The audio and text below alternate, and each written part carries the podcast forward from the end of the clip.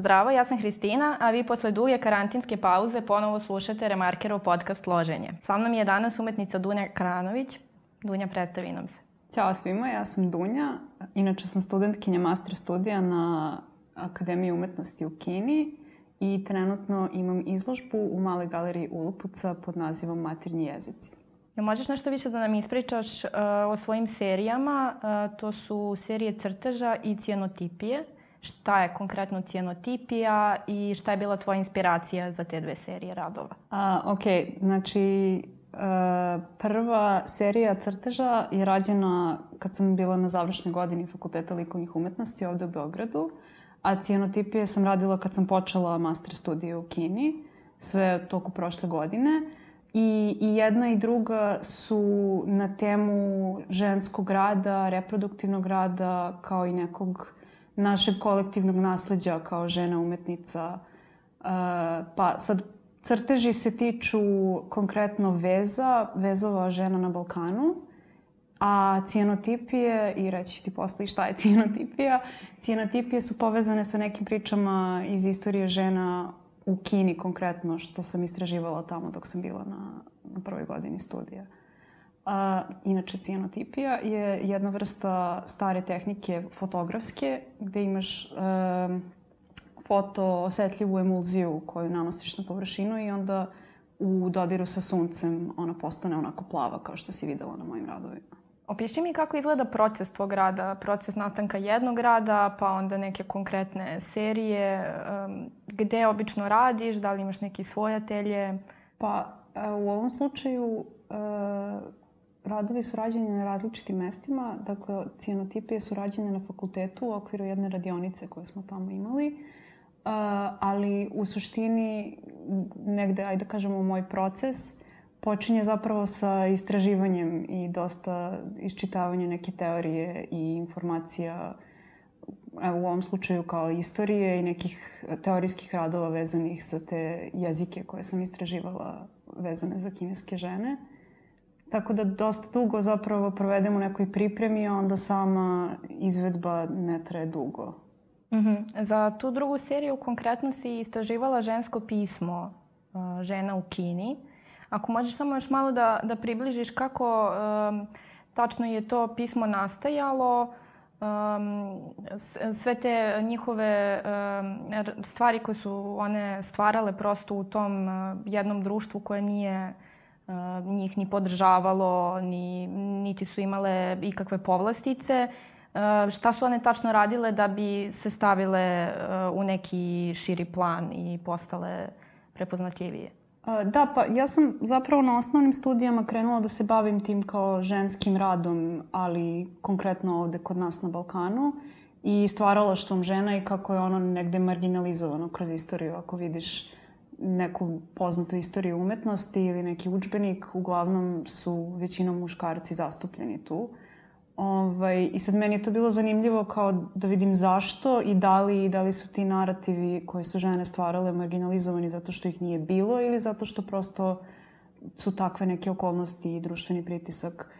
Uh, konkretno u Kini taj jezik kojim se, to jest pismo kojim sam se ja bavila je uh, nastalo u Hunan provinciji u vreme kada žene nisu imale pristup školstvu uh, i nisu mogle zapravo, mislim, kineski jezik koji se sastoji od karaktera je bio u širokoj upotrebi i muškarci su ga koristili da se sporazumevaju, ali ženama nije bio dostupan i smatranje kao karakteri su smatranje nekom muškom stvari. Uh, ali negde iz neke potrebe za komunikacijom i za druženjem i za nekim sestrinstvom i prijateljstvom su žene iz Hunan provincije stvorile svoj sistem karaktera koji se zvao Njushu, što zapravo znači samo žensko pismo i kojim su one pisale pisma jedne drugima, zapisivale svoju poeziju i stvarale neke vrste knjiga koje su bile vezane za obrede venčanja i za neke kao posvete ženskim članovima porodice koje su isto i vezane, što je meni zanimljivo bilo jer sam onda to povezala sa ovom pričom vezanom za balkanske vezove, za one naše tradicionalne kuvarice i mm -hmm. tu mhm. ne, to neko žensko stvaralačestvo, ruč, ručni rad kako, kako je to sve izgledalo, ka, kada ti je kliknulo da je e, to žensko pismo ono što ćeš da spojiš sa e, reprodukcijom e, i od, da povežeš sa umetnošću? A, pa, počela sam od tih kuvarica. Konkretno to znaš da su one stare, kako se zove, oni vezovi na kojima obično ima neka sličica žene i muškarca koji se kao vole, a ona kuva i onda ide porukica mm -hmm. tipa, ne znam, uh, kuvarica što je mlađa, večera je odmah slađa ili kao... Um, da, da, pa kao i oni tekstovi u novinama ono, i 70-ih, 80-ih, kako svog muškarca dočekati iz posla. Pa da, da, da, kuvarice manje zbore da ti ručak ne zagori i tako mm. to. Krenula sam da ih gledam zato što su mi bile jako zanimljive. S jedne strane kao neki likovni jezik, a s druge strane kad uporedim sa nekim ono reproduktivnim politikama trenutno Ako da, se da se žena svodi godina, samo na tu jednu jedinu funkciju. Na reproduktivni rad. Mislim, setiš se samo pre par godina kad je bilo ono takmičenje za uh, moto, ono, ljubav beba, sve što nam mhm. -huh. treba, mama hoće brata i tako te stvari. I onda negde to mi je bilo zanimljivo kao ta paralela između neke predstave ženskog tela i tih nekih poruka.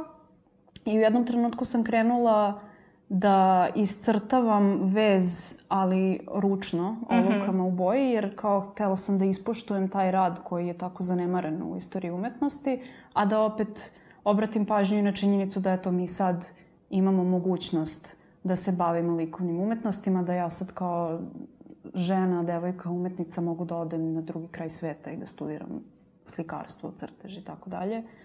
I prosto tako je to nekako krenulo A kad sam došla u kino, prosto povezala mi se ta priča o tom ženskom pismu i činjenici da su i one te, ta, ta slova, te svoje karaktere vezle mm -hmm. i pravile ručni rad jedna drugoj kao neka vrsta intimnog diskursa i prosto nekako samo mi to imalo smisla u trenutku. I sada si baš aktualna tema, pošto Srbija, Kina, bratske zemlje i Dunjina izložba. da, da. Pričaj mi, Srbije i Kina, si... bratstvo. da, ovi dva druga i šta si mi rekla, bolja pruga. Da, da, to je ona mm. parola kao da. kad se spoje dva druga. Na, nadam se da će, da će biti dobro. O, ovaj, um, sad, verovatno se svi uh, su se malo stresli kad si rekla studiram u Kini. Pričaj mi kako Kina i um, da, da li si to želela, kako je bilo taj prvi period kada je sve bilo benigno, stigla si tamo i sve je bilo idealno za tebe i onda se desio virus i, i kako si se borila sa tim? Kako si uopšte stigla kući? Uh, ja, čekaj, prvo da se vratim korak unazad. Uh, ja sam provela šest meseci na razmeni prvo u Kini, u Šijanu, kao dok sam još bila na, na likovnoj akademiji ovde u Beogradu. I onda kad sam završila osnovne studije, sam prosto dobila tu priliku, dobila sam stipendiju mm -hmm. republičku o, Kine, da odem tamo na trogodišnji master program. I to je sve bilo onako, prosto zvučalo kao iz bajke. Savršeno. Mislim, prosto da ti da. neko plaća tri godine da se baviš onim čim voliš i da još vidiš neki neverovatan drugi svet. Mm, mislim, sve prosto izgledalo super dok tako polako negde u decembar, januar su krenule te informacije o, o virusu i krenula je neizvesnost. Prvo su nas zatvorili u domu kao da budemo sigurni. Ovaj, I tada je još svet ono, mislio da to prosto neće doći na njihov da, prag. Da, ostaće to... samo u Kini, toga se sećam. Ali pričaj mi kako, e, je li to, kao pojavilo se nešto novo, ne znamo šta je, pa... Jel ste imali neke informacije u početku ko nešto kruži, ali ne, neki ljudi su bolesni, ali ne znamo još? Ili ste odmah dobili informaciju koronavirus, pandemija, vi ostajete u domu, mi ovo saniramo? Iskreno, uh, bile su informacije onako po društvenim mrežama kao i što se ovde desi, što je država malo ovaj, nije baš obraćala pažnju na to na vreme. Ali, kako se zove, jako je brzo sama škola reagovala mm -hmm I nije baš da smo znali odmah šta se dešava, ali prosto sećam se jedan dan smo bili u ateljeu i radili, sledeći dan smo bili zatvoreni. Samo su nam rekli kao na, na kapi je sutra ne možete da idete nigde. I sad to je negde ta situacija gde kao odjednom radovi su ti na jednom mestu, šta si poneo, poneo mm -hmm. si. I tri nedelje smo ostali zatvoreni u, u karantinu. Međutim, iskreno, ja sam se osjećala relativno sigurno tamo, jer su se oni dosta odgovorno pozabavili tim trenutkom kada su počeli da se bave njime. I kako je to izgledalo? Znači, donosili su vam hranu, to si mi pričala, naučila si da šišaš. izgledalo je malo zatvorski, da budem iskrena. Jer da, onako prvo živimo u neizvestnosti, ne znamo kada, koliko tu ostajemo, šta se dešava. Sećam se da su dobili svi vesti kao otkazivanje letova, mm -hmm. ne mhm. može da se vrati kući, sve zovu roditelji. A mi smo tako samo bukvalno kao zatvorenici krenuli polako, ne znam, da da se organizujemo da idemo iz jedne sobe u drugu, da deluje kao da ideš negde, da, da. nešto radiš produktivno. Pa smo igrali badminton u dvorištu ispred zgrade, ne znam, ono, ljudi su delili cigare, e, šišali smo se međusobno, to to, kao ja sam naučila druga da šišam, zato što prosto u jednom trenutku je prošlo mnogo vremena. Ali nekako mislim da, da u toj situaciji kao i ovde kad se posle desilo ovaj, to da smo se zatvorili, da se formuliše neko novo normalno. Mm -hmm. Na neki način i navikneš se i prosto pokušaš da urediš što više možeš. Mislim, mi smo, ne znam, ja sam u jednom trenutku od stvari koje sam imala u sobi napravila sito za papir, pa smo kolega i ja pravili neki ručno pravljeni papir u sobi od 8 kvadrata. Fantastično. Jel vam to pomoglo da se zbližite svi? Tad se niste previše dugo poznavali šta ti si otišla tamo u vreme mastera na jeseni? Da, pa u roku od par meseci, ali mislim da nije konkretno ta situacija koliko kao strani studenti u Kini su nekako da, da. A, primorani da, da, mislim primorani, to sad zvuči kao da se mi nismo združili mm. stvarno, ali a, negde ta jezička barijera te prosto natera da, da nađeš neku novu porodicu u tom kontekstu. I put kući. Kako je delovao put kući kada uh, svi znaju da dolaziš iz Kine, gledaju ti pasoš, vide da dolaziš u Srbiju, znaju da je tamo virus. Kod nas je tad krenulo. Kod nas je, ja sećam se ti kad si došla uh, i kad smo se mi videle to veče, prošlo je možda dva, tri dana. Ja sam onda prestala da radim i onda je prošlo još dva, tri dana i mi smo svi bili zatvoreni. Znači, nije bilo ni nedelju dana kako si se ti vratila, mi smo već znali da se dešava nešto, ali prosto nismo imali one uh, mere opreza koje su došle malo manje od nelju dana kasnije. Da, iz karantina u karantin. Mm -hmm. Pa, mislim, to su bile jako smešne scene, da budem iskrena, onako kao, prvo recimo taj aerodrom, kao šangajski aerodrom, jedan od najvećih na svetu, uh, gde ti dođeš i sve je potpuno prazno.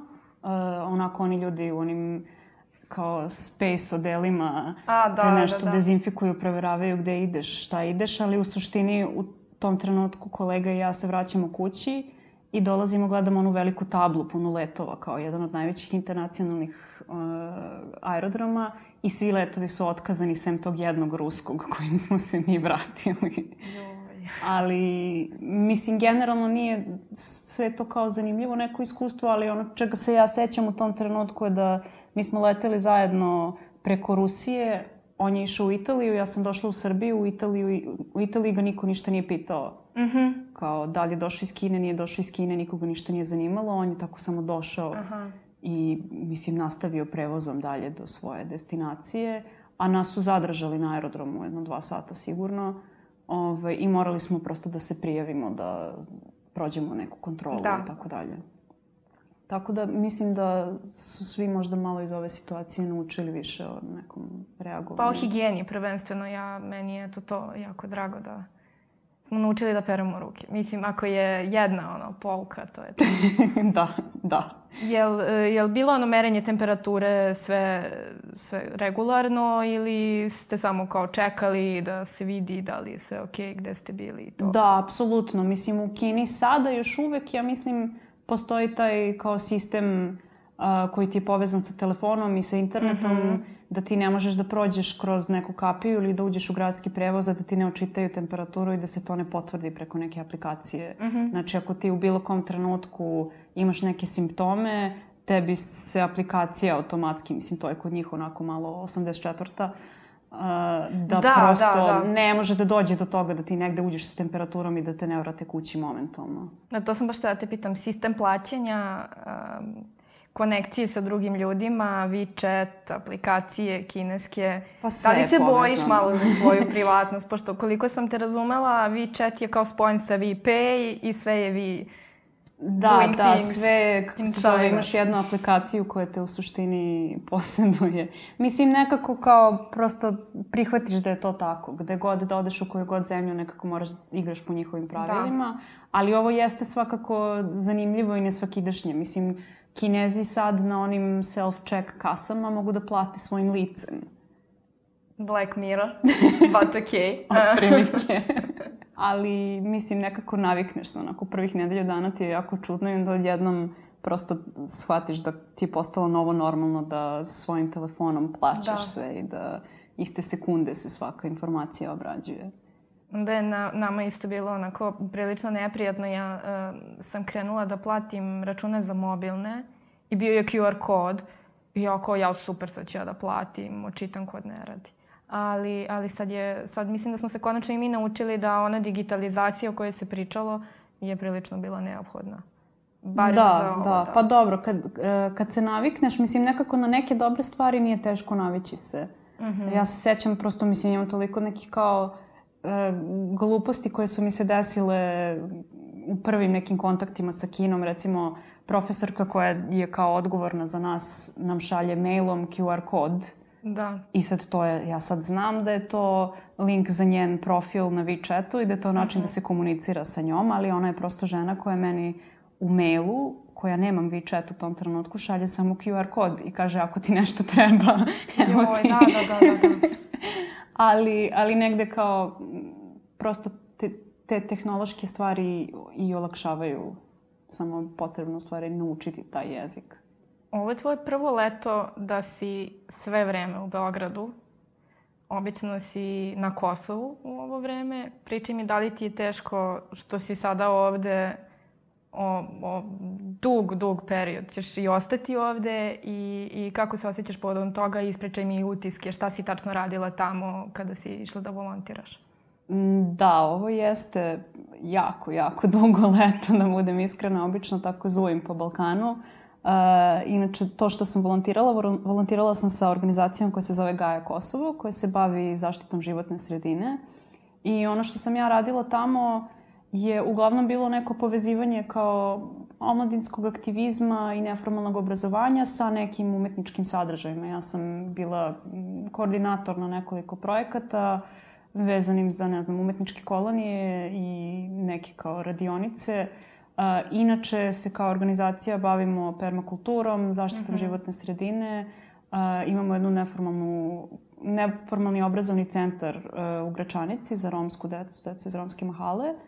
I kako se zove, dosta smo vremena proveli recimo na Brezovici gde sad trenutno ima, mislim ima mnogo problema što se tiče infrastrukture, ali najveći problem onaj sa mini hidroelektranama. Mm -hmm. Ali negde moja tu uloga je bila kao ajde da kažemo, neki pokušaj povezivanja likovnih sadržaja sa mm -hmm. aktivizmom i rad na, m, ajde da kažemo, povezivanju tih zajednica tamo koje su zavađene i koje negde nemaju zajednički jezik.